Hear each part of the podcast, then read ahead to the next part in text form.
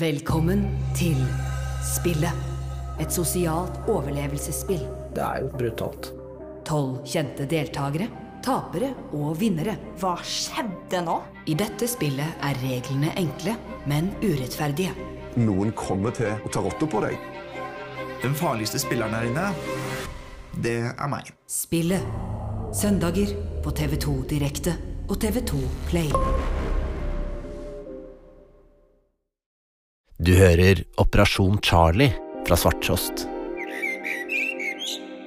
Dette er den første av seks episoder, og jeg heter Sindre Leganger. Da jeg var i starten av 20-åra, så dro jeg på backpackertur til Asia. Første stopp var Beijing i Kina, og allerede første dagen, mens jeg surra rundt med sekken på ryggen i de små, gamle gatene rundt hostellet, så fikk jeg et fantastisk tilbud.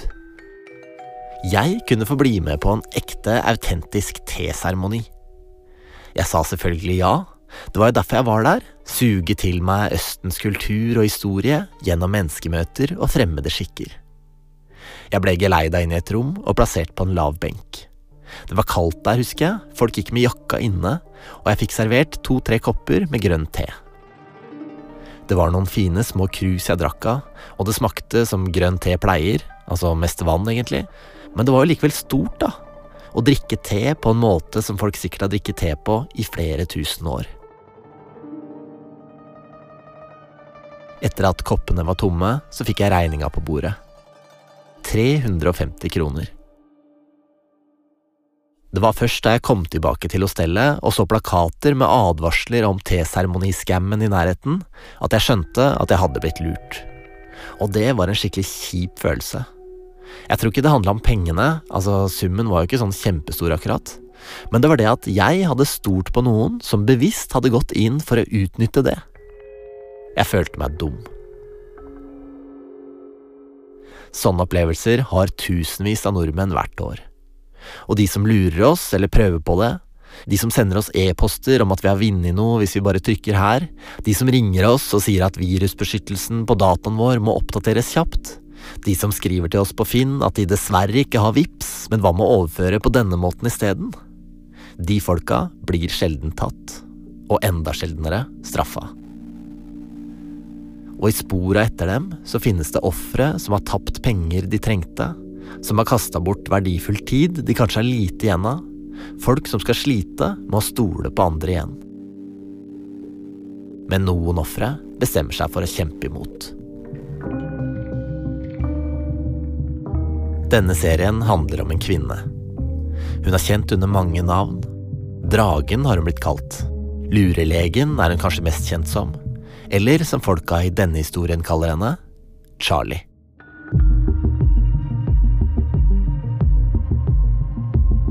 Hun viste bilder fra sykehuset og med legefrakk og Jeg er så lei meg for å si dette her, og jeg gråter mens jeg sier det. Men jeg tror at vi blir svindla sånn. Jeg lå i fosterstilling i mange kvelder. Hvorfor skjedde dette med meg? Jeg har jobba for alt. Jeg har aldri arva en dritt. Så du må være så snill og gå god for at det her kommer til å gå bra. Og bare ja, nei, du måtte jeg ikke tenke på. Sammen med Synva Hjørnevik har jeg fulgt i Charlies fotspor og vassa rundt i kaoset som følger henne, helt fram til i dag. Målet har vært å finne ut hva er det som driver mennesker som henne, og hvordan kan de stoppes? Og vi starter denne historien med at Synva lander på en øy i Nord-Norge, der hun skal møte et par som blir lurt på en av de merkeligste måtene jeg har hørt om. Hei. Hei, hei. Hallo. Hei. Så hyggelig. Hyggelig. Velkommen til eh, vårt paradis. Takk. Nå skjønner jeg hva du mener med at det var mye gleden. I havgapet, helt på tuppen av en øy vest for Tromsø, møter jeg Bjørn. Du får nok ikke bedre lokasjon enn dette her i, Norge, altså. Her er vi Anja. Hei, Anja. Veldig hyggelig. Så hyggelig. Velkommen til vakre Nord-Norge. Bjørn og Anja har akkurat gifta seg. Kygo, gå og legg seg. De bor sammen med chihuahuaen Kygo og lever gründertilværelsen med lange arbeidsdager og jobb som førstepri. Ja. Ready? Ready. Nå sitter der. Ja. Men da bestemoren til Anja i 2016 skulle fylle 80 år, bestemte Bjørn og Anja seg for at dette måtte feires med et skikkelig kalas. Det her var helt i startfasen av firmaet deres, så de hadde det ganske trangt økonomisk, men velger likevel å kjøre på. De inviterer med seg hele familien til Anja, med bestemor som hedersgjest, på tur til Marbella i Spania. Bestemora mi hun har jo uh, hjerte, en hjertesykdom. Og er ganske dårlig uh, i perioder. Tåler stress veldig dårlig. Uh, men hun er en person som elsker å reise, og hun gleder seg veldig til naturen til Marbella da, sammen med familien. Hun var jo godt opp i årene, og helsen var ikke helt med lenger. Derfor var det òg veldig viktig for at vi, eh, at vi, skapte gode rammer for henne. At hun kunne ha et veldig fint sted å bo, og vi kunne være tett, og vi kunne få masse tid sammen. Marbella ligger langs Middelhavet med lange sandstrender, palmer og oliventrær. En gamleby med trange gater og fargerike murvillaer. Alt er tilrettelagt for at man kan senke skuldrene og slappe av og det gjør også byen skikkelig populær blant turister. Anja og Bjørn finner en leilighet på Airbnb med plass til hele gjengen. De skal være borte i rundt to uker, og de ser fort at det kommer til å svi i lommeboka. Men de får skrapa sammen pengene og bestilt. Og så er det bare for bestemor å se fram til late dager på solsenga. Da skriver jeg en Facebook-status om at uh jeg gleder meg til å ta med mormor eh, og feire hennes 80-årsdag i Marbella i eh, mai 2016. Og så um, dukker det plutselig opp uh, en person som heter Charlie på Facebook. Som jeg ser da vi har uh, flere felles venner. Og hun uh, tar kontakt og sier at hun har en fantastisk leilighet på Marbella som hun gjerne vil låne ut til oss. da. Vet du hva, jeg har en leilighet der nede. Eh, og eh, til og med en eh, bil. Så det gjør jo det mye lettere for dere å bare få en full pakke. Charlie sender over bilder. En hvit, ny, moderne leilighet midt i sentrum med fantastisk utsikt mot havet. Som gjorde at vi var nær alt fra strand til eh, butikker til restauranter, og det som gjorde det mye lettere for oss i forhold til eh, bestemor. da. Um, og hun viser til og med bilder av klesskapet sitt, uh, som også sier at hvis jeg trenger å låne noen klær, så er det bare å låne. Anja og Bjørn syns det høres helt perfekt ut.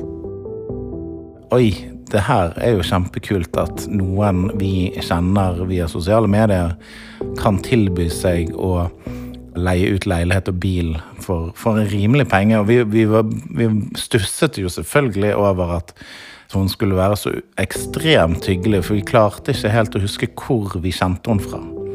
Men inntrykket var jo kjempepositivt. Her er det bare en, en som vi har truffet, som tenker det at oi, jeg har lyst til å hjelpe de Eh, til å få ei kul opplevelse i eh, Marbella. Så vi blir enige om at vi eh, skal låne den leiligheten for 5000 kroner. Og da får vi også inkludert bil fra Charlie.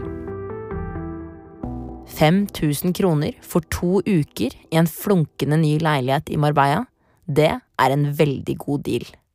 Så den Airbnb-leiligheten som Bjørn og Anja allerede hadde leid, den avbestilles og mens ferien nærmer seg, prøver de å bli bedre kjent med den hyggelige dama som de skal leie fra.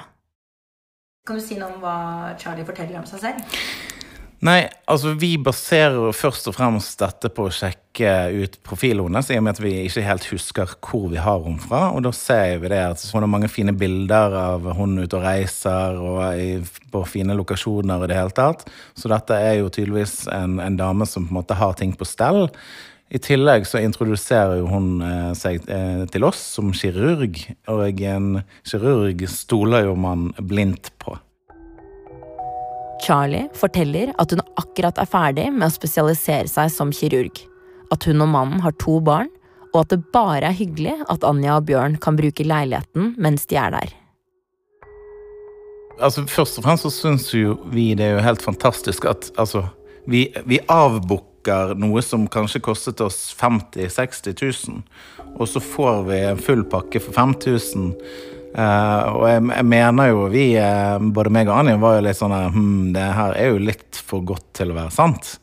Men samtidig så var hun så flink med å oppdatere oss med å vise bilder. Hun var så på på en sånn utrolig engasjerende, hyggelig måte. Så det var veldig tydelig at hun ville ikke gjøre dette her for å tjene penger.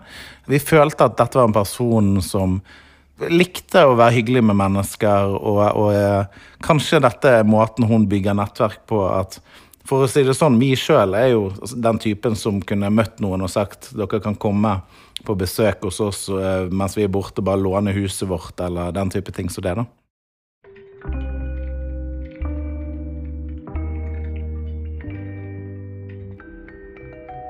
Snart er det klart for avreise. Bjørn har sendt over 5000, og planen er at familien til Anja, inkludert bestemor, skal reise ned først, og så kommer Anja og Bjørn noen dager etter. Charlie har sagt at hun skal sende bilnøkkelen til Anja og Bjørn før de drar, og de har fått tilsendt adressen der de skal bo, med beskjed om at garteren til Charlie skal møte dem og låse dem inn. Da drar jo eh, broren til Anja og moren og bestemoren ned til Marbella to dager før oss. Uh, og det er god stemning. De ankommer Marbella, det er nydelig vær, selvfølgelig. Og uh, etter hvert så ringer de og sier det at de finner ikke denne adressen. Og uh, vi uh, svarer de at nei, men da, dere må jo bare det, Altså, adressen er jo der, så det er jo bare å uh, Dere har sikkert gått forbi eller et eller annet. Og denne byen er jo Det er jo sommerstemning, det er magisk, det er kjempefint, men det er varmt. 35 grader. bestemor på 80 begynner å bli sliten. Og min bror, da drar rundt for å lete i området. For å prøve å se om han finner noe som kan ligne eller minne om den lokasjonen som hun har eh, sendt oss, da. Så de trasker jo rundt i timevis. Og eh, vi får beskjed om at de, det er umulig å finne denne adressen. Den eksisterer ikke. Og da blir jo også min, både min mamma og min mormor veldig stressa og usikker på hva er det som egentlig foregår, ettersom timene går, da, at de ikke klarer å finne, finne det stedet. Så da mener jo jeg at eh, meg og Anja kontakter Charlie ganske kjapt, og der begynner det å skje rare ting. På telefonen forteller Charlie at gartneren som skulle møte dem for å låse dem inn, dessverre har blitt syk. Eh, så sier vi det at ja, men eh, altså, da kan jo vi heller eh, leie en annen plass for resten av oppholdet, eller hvis dette her blir så komplekst. Men hun fortsetter og sier nei, nei, nei, det går fint. Det er bare å vente litt til hun får høre status på den situasjonen så vil jo vi selvfølgelig få de nøklene. Og da tenker vi at ok, da får vi booke inn på hotell.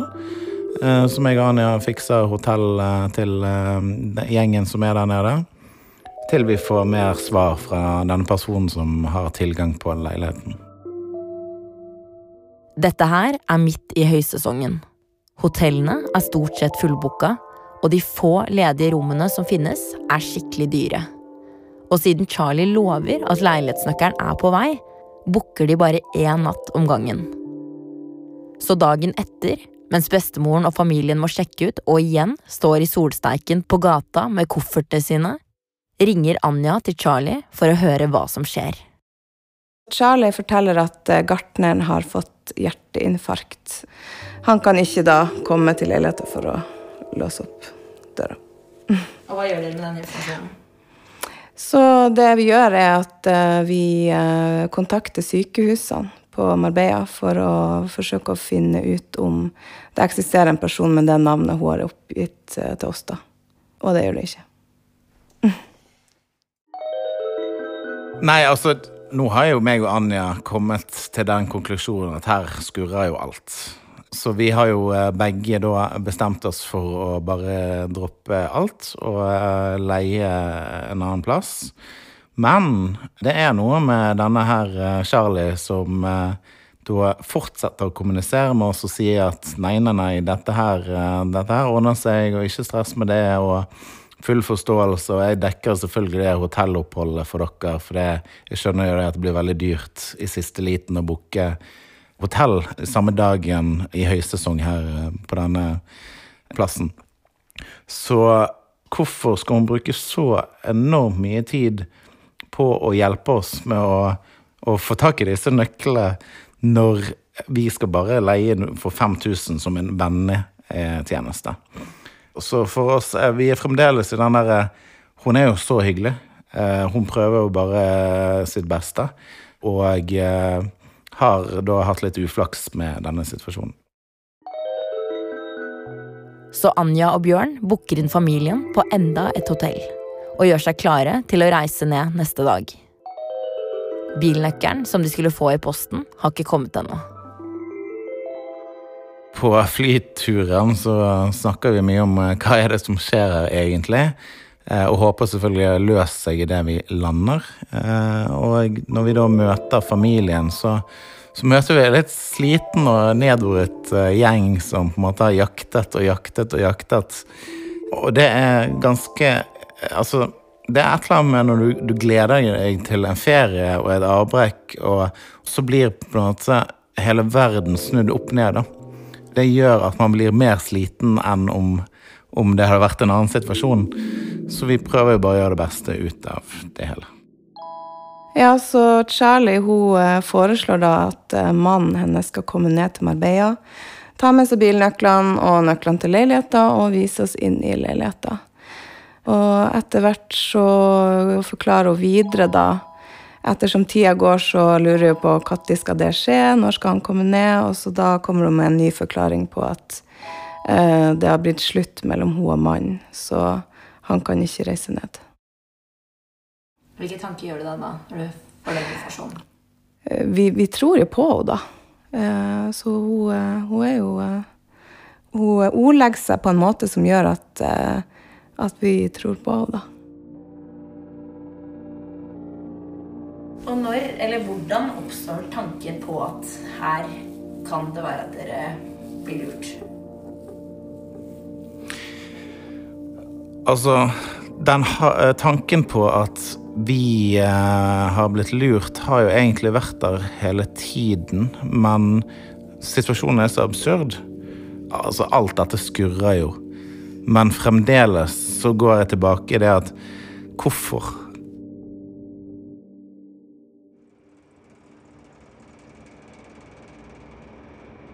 Etter ni dager på flyttefot, inn og ut av svette resepsjoner, med 'Hola, taxisjåfør, can you open the window for bestemor?'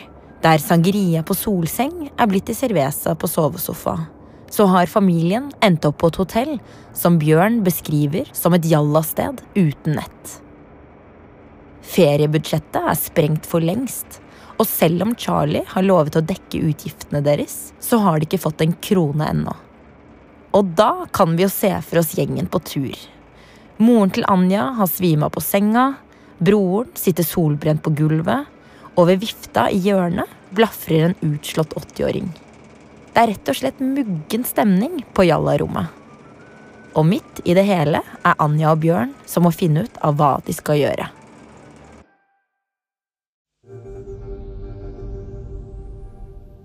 Altså, det er noen som bruker ufattelig mange timer døgnet rundt på oss akkurat nå.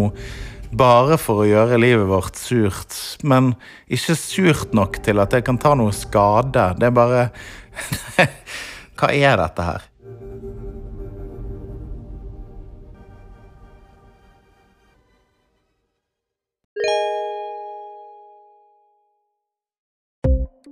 ukens annonsør er Nextory. Og Nextory er en strømmetjeneste av flere hundre tusen bøker, som du enten kan lese som e-bøker eller høre på som lydbøker. Og Nextory har bøker i alle mulige sjangere, fra krim og dokumentarer til romaner og barnebøker. Og jeg har da gleden av å kunne tilby deg som lytter et spesialtilbud. Hvis du går inn på nextory.no svartrost og registrerer en bruker der, så får du seks uker gratis med tilgang til hele det fantastiske biblioteket av e-bøker og lydbøker hos Nextory. Og en liten personlig anbefaling fra meg er bøkene til Ken Follett, som ligger her. Og han har jo da skrevet både spenningsbøker og historiske romaner, men det er spesielt hans århundretriologi som er favoritten. Og i disse tre bøkene, som er da Kjempenes fall, Vinter over verden og På grensen til evigheten, så følger vi da skjebnen til fem forskjellige familier fra fem forskjellige land, og deres opplevelser under første verdenskrig, andre verdenskrig og den kalde krigen. Og da på tross av at disse personene er fiktive, så er den historiske bakgrunnen veldig nøye undersøkt av forfatteren, sånn at du føler virkelig at du opplever historien fra innsiden og gjennom da de forskjellige familienes ulike perspektiver. God lytt og god lesing. Før du hører videre, så vil jeg tipse deg om en annen serie som du finner her i Svarttrost Dukk. Det går mange rykter om det gamle mentalsykehuset på Lier. Det fortelles om forferdelige eksperimenter og metoder. Den ble jo tatt inn på den slaktebenken og bindt fast. Begynte de her å bore. Mennesker som levde under uverdige forhold. Det er farlig å si ordet tortur, men, men som på en måte Da jeg var inne og snakka med noen som lå i belteseng f.eks., så, så har man liksom sånn opplevelse av at nå er jeg en type torturkammer. Og hundrevis av grusomme skjebner. Det er helt forferdelig. Dette har jeg gjort, altså. Dette har jeg vært med på. Det, det er helt jævlig. Men hva var det egentlig som skjedde på Lier sykehus? Hør Mentalsykehuset i Svarttrost Dukk.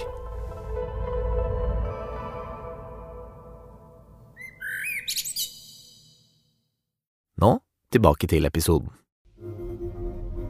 Sittende på et slitent, men dyrt hotell i Marbella, med en motløs svigerfamilie rundt seg, finner Bjørn fram mobilen sin. Klokka har akkurat passert ti på kvelden, og han har mottatt en melding fra Charlie.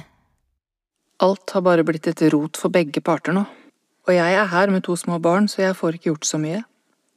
Mannen min reiste ned i går for å sjekke det ut, men for å være helt ærlig så har jeg ikke hørt fra han. Vi gikk fra hverandre for bare en uke siden, så ting er litt komplisert der også. Bjørn svarer. Hvis dette er sant, så er det helt fryktelig. Men nå er vi veldig i tvil. Kan ikke du overføre en sum til oss i kveld, så vi kan få litt ro? Jeg skjønner veldig godt at det blir mye å forholde seg til, og det er ikke deres problem heller. Spørsmålet er vel heller hvorfor jeg skulle være interessert i å sette meg i denne situasjonen med viten og vilje. Som betaling for leiligheten hadde Bjørn overført 5000 til Charlie før de dro. Men etter litt fram og tilbake på meldinger nå, så finner de ut at de pengene, av en eller annen grunn, spratt tilbake til Bjørns konto etter noen dager. Så Charlie har aldri fått noen betaling fra dem. Og i tillegg tilbyr hun seg nå å overføre 5000 kroner ekstra som plaster på såret for alt rotet. Da burde dere være rimelig sikre på at jeg ikke er ute etter å lure dere, for jeg ville ikke akkurat ha betalt noen for å late som at de kan låne leiligheten min. Bjørn blir letta. Ja, tusen takk. Dette setter vi uendelig stor pris på. Nå kan iallfall uh, roe ned resten av gjengen her og få noen timer på puten før vi sjekker inn på neste sted. Takk for at du tar dette seriøst. Det gjør at hele situasjonen blir bare utrolig humoristisk i forhold til Altså, hvis dette her er en svindler, da, så må det være verdens dårligste eh, svindler i forhold til eh, økonomien i dette. Bjørn skriver. Altså, dette her er jo bare en helt fantastisk musikkvideo, eller en historie til se og hør, eller noe man kan fortelle rundt leirbålet. Minner meg om sangen til den uheldige mannen både du og vi har druknet i uhell de siste ukene. Og det er så leit at det skulle gå utover dere på denne måten. Jeg er oppriktig lei for det. Men nå må dere ha en god natt, så er det fint om du gir en lyd i morgen når pengene er inne. Bjørn avslutter samtalen med å sende en YouTube-lenke til en musikkvideo for Den uheldige mannen. Dette er en vise om den stakkars mann som var så uheldig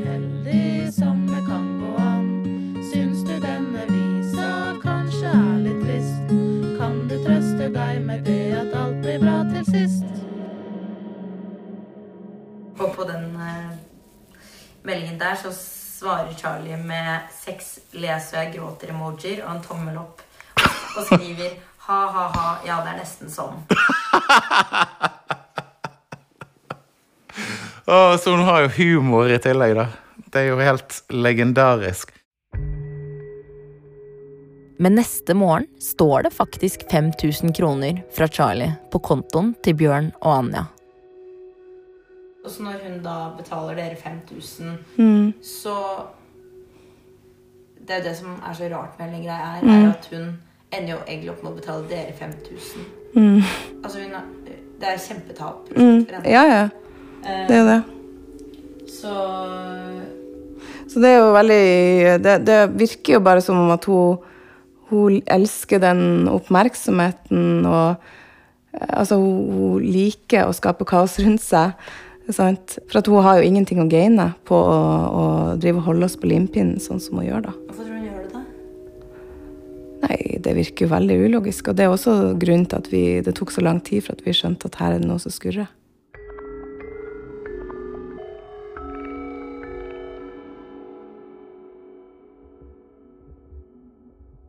Tilbake i Norge, sittende krumbøyde over laptopen for å sjekke skaden bestemors Fiesta påførte kontoen, går det opp for Bjørn og Anja hvor dyrt bursdagskalas på Costa del Sol faktisk kan være. Det er jo først nå vi begynner å bli litt sånn her, småfrustrert over at eh, altså når, vi, når vi går gjennom regnskapet, så ser vi at her har vi brukt ufattelig mye mer penger enn vi opprinnelig hadde tenkt.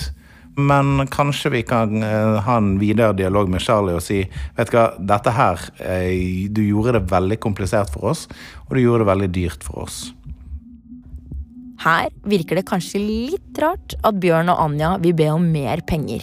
De hadde jo faktisk allerede fått 5000. Men saken er at Charlie hadde gitt dem et løfte. Mens de vandra fra hotell til hotell, forsikra Charlie flere ganger, også skriftlig, at hun skulle dekke utgiftene deres. Så derfor setter Bjørn opp et regnestykke over hvor mye ekstra alt har kosta, og foreslår at Charlie kan dekke noe av det. Da har jeg sendt deg et røft estimat eh, på utgiftene våre. Skjønner at du ikke kan dekke alt dette, men jeg håper dette her kan starte en dialog. Jeg betaler dere 10 000, så er vi ferdig med det. Fantastisk. Beklager at det endte sånn, men eh, nå føler jeg vi har fått en fin dialog. Utrolig absurd situasjon. Du må betale penger til noen du egentlig bare skulle være snill med. Og hvordan, hvordan føles det liksom å be om såpass mye penger på den måten fra en tobarnsmor som visstnok nettopp har gjort det slutt med mannen sin? Nei, det føles ikke riktig. Men vi konkluderte jo med at Charlie må forstå hva hun egentlig har eh, skapt av eh, problemer for oss. Hun prøvde jo bare å hjelpe. Ja, hun prøvde bare å hjelpe. Åtte dager seinere har det fortsatt ikke kommet inn noen penger. Bjørn purrer. Hei, hei, setter du en dato for transaksjonen? Ja, som sagt så skal jeg se på det i løpet av denne uka. Fire dager går. Hei igjen. Nå er jo egentlig bankuken over. Får du sett over på mandag? Ja, det skal jeg ordne. Seks dager til. Ser at du ikke har overført. jeg kan ikke bruke mer tid på å purre deg, så hvis du ikke setter en dato for betalingen, må jeg bare overlate dette her til regnskapsføreren min. Da sender hun en faktura i stedet, og da blir det regnet ut ifra de totale utgiftene som vi hadde. Hei, jeg har helt glemt det. Nå er jeg borte frem til i morgen, men jeg sender i morgen kveld. Fire dager går. Hvilken konto overførte du til? Kan ennå ikke se noe. Mamma skulle gjøre det. To dager til. God aften, god aften. Minner du eh, din mor på overføringen? Hei, det skal jeg. Enda to dager seinere har Bjørn fått nok. Grunnen til at ferien vår ble ekstrem dyr, var fordi du hele tiden sa 'det ordner seg i morgen', 'det ordner seg i morgen'. Nå gjør du det samme igjen med betalingen. Merker jeg bare blir mer og mer provosert og gir deg en siste sjanse. Når overfører du disse pengene? På det siste som du skriver, da, Ja. når du pengene i capslock, kan du si litt om hvordan føler du deg inni deg da?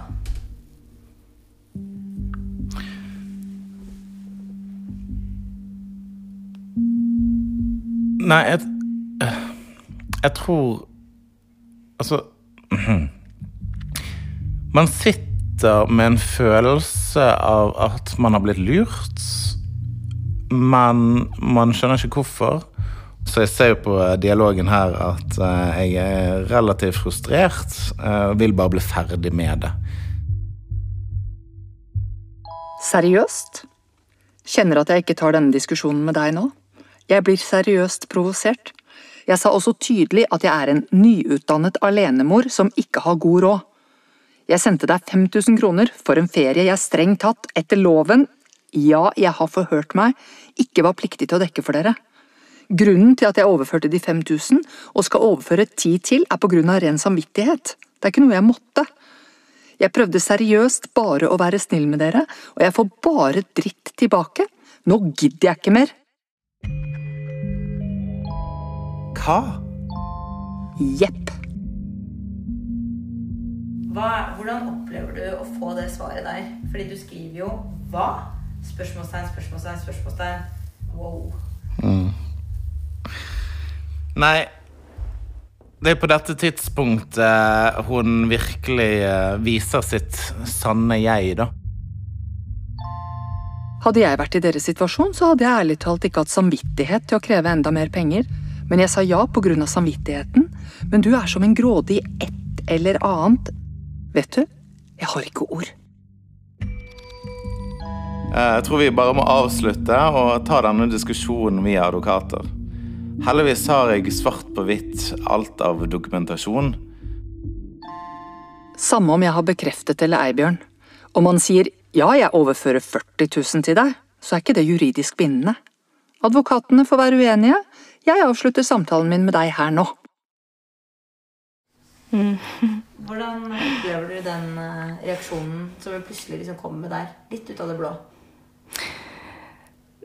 Jeg blir veldig satt ut, men jeg, jeg føler jo òg på at jeg blir litt sånn mindfucked.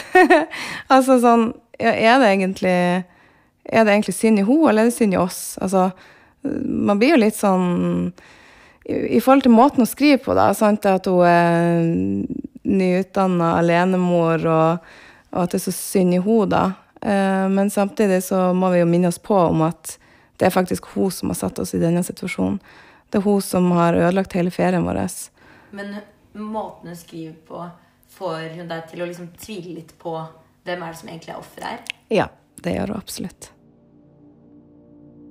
Så jeg, jeg vet ikke. Det er bare det er utrolig rart å sitte her i dag og tenke på denne saken i det hele tatt. For det, du, du ser at det er noen som koser seg med å bare eh, operere dette her. Det er liksom en puppet master som føler at nå har jeg kontroll over livene til noen, eller det er det som er gevinsten her. Er ikke, hun er ikke opptatt av disse pengene. Hun er ikke opptatt av å på en måte Altså, hun kunne dratt dette så mye mer lengre økonomisk til sin fordel. Noen dager seinere får Bjørn en ny melding. Denne gangen er det fra en kompis. Hans Erik Husby.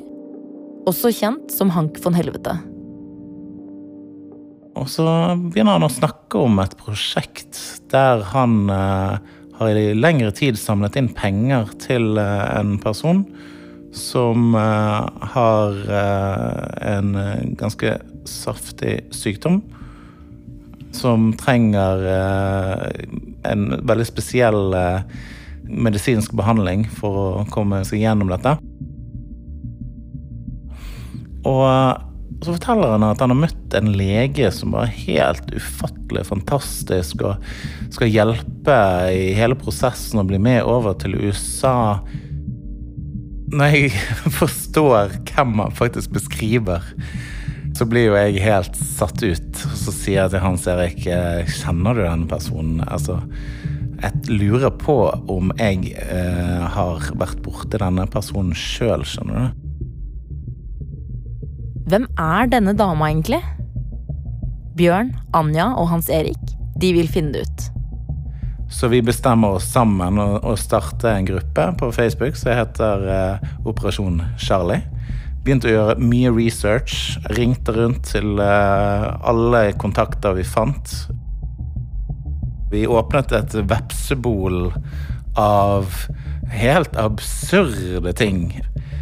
Og de historiene vi nøstet opp i og fikk fortalt Altså, jeg tror både meg og Hans Erik sa allerede da at uh, dette her er så drøyt at dette her er jo en gigantisk Netflix-serie uh, med selvfølgelig Charlie i hovedrollen. Charlie har flere ganger fått mulighet til å bidra i denne serien og svare på alt som kommer fram. Det har hun ikke ønska. Og Charlie er ikke det ekte navnet hennes. Hør mer i neste episode. Altså, Hans Erik var jo en person som ble veldig fort forelska. Du, jeg har møtt noen, og det viser seg at hun er nevrokirurg.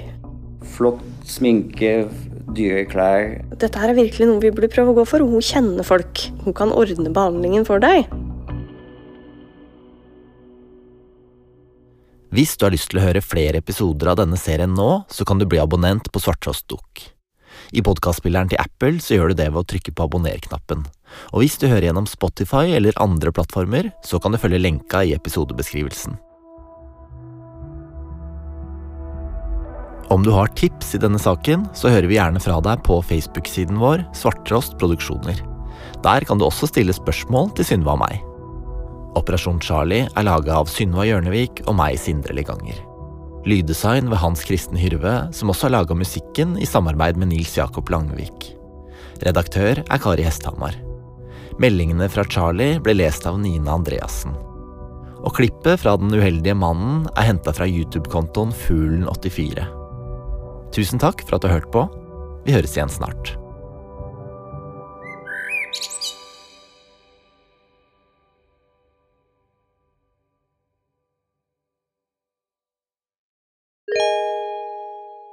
Har du et enkeltpersonforetak eller en liten bedrift? Da kjenner du kanskje følelsen av å skulle gjøre regnskapet, men så var det de kvitteringene, da. Hvor har de gjort av seg? Med fiken får du en egen app for kvitteringer. Bare ta bilde og kast papiret, så tolker fiken kvitteringen og legger inn det som trengs i regnskapet. Gjør som over 70 000 andre, ta regnskapet selv med fiken. Prøv gratis på fiken.no. Driver du en liten bedrift? Da tenker du sikkert at dette er en reklame for fiken. Men det er det ikke, for vi er Folio. Folio er en banktjeneste for bedrifter, og vi er fikenbrukerne sin absolutte favoritt. Med Folio får du nemlig en superenkel nettbank og kjappere regnskap. Dessuten får du påminnelser om alt du ellers må huske på. Med Folio er alt samlet på ett sted, og du får umiddelbart kontroll over utgifter og kvitteringer. Besøk folio.no og se hvorfor bedrifter foretrekker oss fremfor de store bankene. Folio smartere enn banken.